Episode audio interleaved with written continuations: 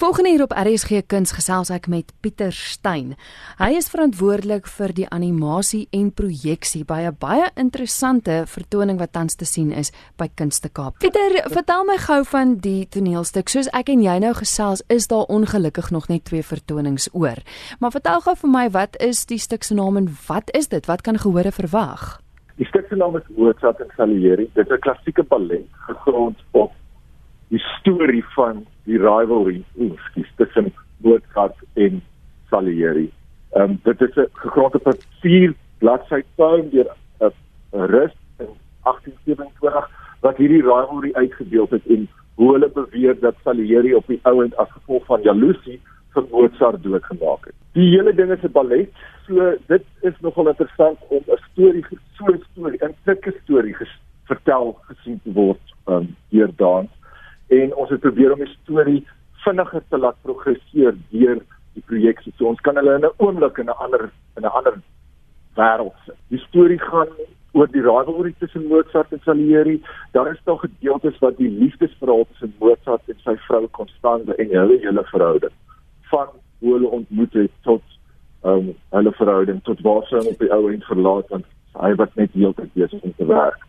En op die en dan die gedeelte waar um, Salieri vir Mozart doodmaak en waar sy inspirasie vandaan kom of jaloesie. So daar is daar is muses wat dans, musiek wat lewendig word in Mozart se drome en dit word alles met projeksies en dans saam uitgedeel. Ehm um, dit voel asof 'n mens 'n movie kyk. en jy kom nie agter jy's jy's besig om na dans te kyk en dan die storie word so duidelik deur die dans weergebring. Vertel gou vir my hoe werk die hele proses? Jy as animeerder en wat verantwoordelik is vir die projeksies, het het hulle eers die stuk vir jou gewys het jy bloot net die storie gekry hoe hoe die hele proses gewerk om op die ouende die eindproduk te kry?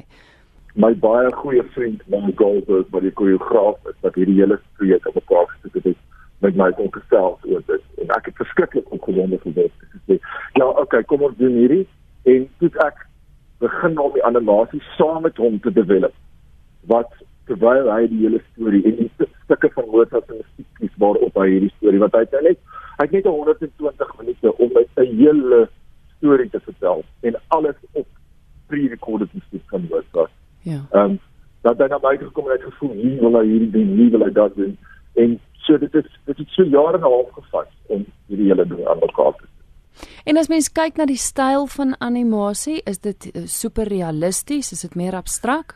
Nee, daar is baie abstrakte gedeeltes. Ehm um, daar is omdat dit wat dekorstukke is, is daar realistiese elemente, maar um, ons het probeer om 'n stylistiek fingerprint dwars deur die hele ding te sit.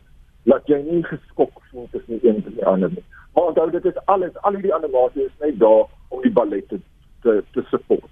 Hmm. Dit is 'n baie fyn balans wanneer neem dit oor kan dit oorneem of wanneer kan dit moet dit nie jou aandag aflei en net die gevoel en die emosie um, onder onderdra Ja, ja. Kom ons kyk gou na die kostuums want uit die aard van die saak dans die dansers seker nie in in periode kostuums nie.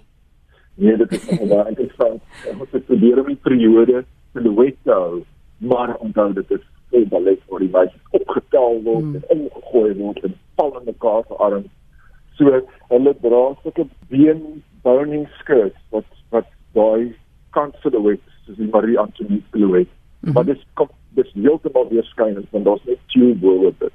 So jy kan hulle hulle hulle been sien beweeg. Ehm um, maar dit hou daai silhouette. So 'n baie deconstructed manier om die barok era voor te stel.